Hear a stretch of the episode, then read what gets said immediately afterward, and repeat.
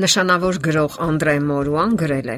Որն է ծերության իսկական ճարիքը։ Ոչ թե մարմնի թուլությունը, այլ հոգու անտարբերությունը։ Հասկանալի է, որ բոլորն էլ ծերանում են եւ վաղ թե ուշ բոլորն էլ մահանում են Սակայն արժե մտածել այն մասին, թե ինչ է տեղի ունենում մեր մարմնի եւ գիտակցական գործընթացների հետ, երբ մոտենում ենք մեր կյանքի մայրամուտին։ Շատերն օրինակ չեն հաշտվում ծերության հետ եւ գերադասում են վաղ մահանալ։ Նրանք պարզապես քայքայում են իրենց մարմինը ամեն տեսակի վնասակար սովորություններով ու կախվածություններով, անառակ զվարճություններով եւ դա անվանում են կյանքը վայելել։ Իսկ ահա շատերն էլ ընտրում են առողջ ապրելակերպը եւ խստորեն հետևում են այդ այդ կանոններին։ Այս դեպքում եւս մահը վաղ թե ուշ այցելում է իհարկե, սակայն մենք առողջ ենք ապրում։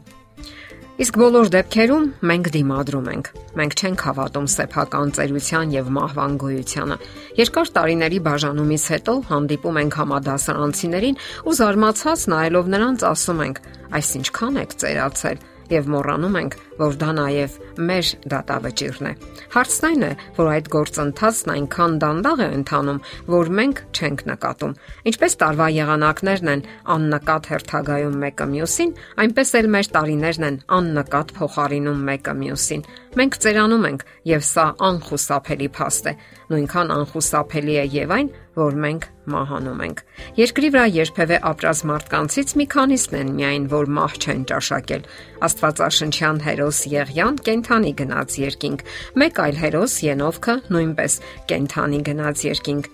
Մի փոքր հումորով ասենք, որ դրա վրա հույս չդնենք։ Մարտն իր տարիքը սկսում է նկատել, երբ մոտենում է 40-ի սահմանագծին։ Մինչ այդ հանգիստ ապրում էր եւ համարյա ոչինչ չէր նկատում։ Եվ ահա հանկարծ սկսում է նկատել, որ իր վրա էժան չեն նստում նույնիսկ թեթև գրիպները կամ միջանցիկ քամիները։ Նկատում է, որ հոգնում է արագ քայլելուց, իսկ երեկոյան շատակերությունը լուրջ վնաս է հասցնում օրգանիզմին։ Այդ տարիքում մարդը սկսում է կյանքին նայել առանց պատրանքների, դառնում է իրատես, անհետանում է ռոմանտիկան, Երբեմն նա ինքն իրեն հարցնում է. ինչու՞։ Եվ սա վտանգավոր հարց է, որովհետև այս հարցին կարող են հետևել այլ հարցեր. ինչու պայքարել։ Ինչու տնից դուրս գալ։ Ինչու վեր կենալ անկողնոց, որն է նպատակը եւ այլն։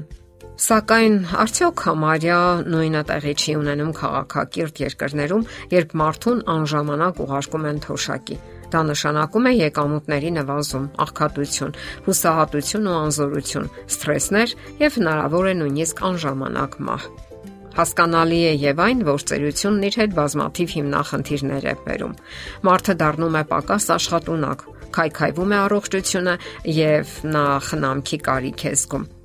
Եվ շատ կարևոր է այն, թե ինչպիսի հասարակության մեջ են ապրում, ինչպես է տվյալ երկիրը հոգում իր երկրի տարեցների մասին, որքան թոշակ է ստանում, ինչպիսի բուժական ծառայություններից է օգտվում եւ այլն։ Այսպիսի հետաքրքիր առանձնահատկություններ են նկատվել։ Քաղաքներում երիտասարդները զգալի առավելությունների են հասնում այն ժամանակ, երբ հասարակության մեջ տեղի են ունենում սոցիալական արագ տեղաշարժեր կամ հեղափոխություն, որովհետև երիտասարդները արագ հարմարվում են փոփոխություններին եւ իրավիճակին, իսկ ահա տարեցները չեն կարողանում հարմարվել կամ էլ մեծ դժվարությամբ են հարմարվում։ Եվ ընդհակառակը, քաղաքակիրթ երկրներում, որտեղ ունևոր ու բարեկեցիկ մարդիկ ավելի շատ են, միտում կա հոգալու տարեց մարդկանց մասին եւ հարգանքի տուրք մատուցելու նրանց։ Ծեր տարեց մարդկանց մի կողմ չեն նետում, որովհետև այն աշխարհում, որտեղ երկար ժամանակ փոփոխություններ տեղի չեն ունեցել, փորձն առանձնահատուկ արժեք է ձեռք բերում։ Իսկ լավագույն տարբերակն այն է, որ երիտասարդությունն ու փորձառությունը կարողանան համագործակցել, փոխհարաբերվել ներդաշնակ ու ռիթմիկ։ Երիտասարդներն օրինակ, եթե առանցքային պաշտոններ են զբաղեցնում, ապա տարեցները կարող են լինել նրանց խորհրդականները։ Այժմ սիրո մասին։ Այս մասին չգիտես ինչու ընդունված չէ խոսել։ Շատ են խոսում սիրո մասին,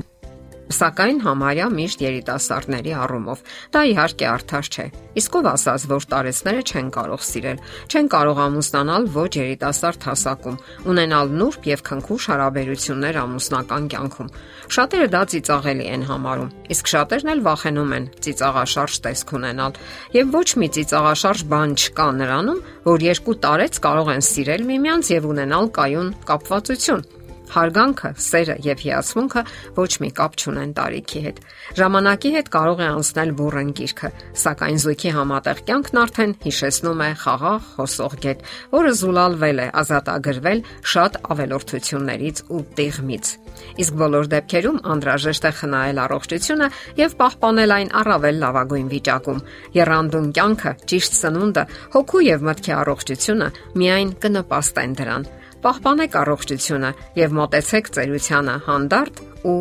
հավասարակշիռ։ Եթերում առողջ ապրելակերպ հաղորդաշարներ։ Հարցերի եւ առաջարկությունների համար զանգահարել 033 87 87 87 հեռախոսահամարով։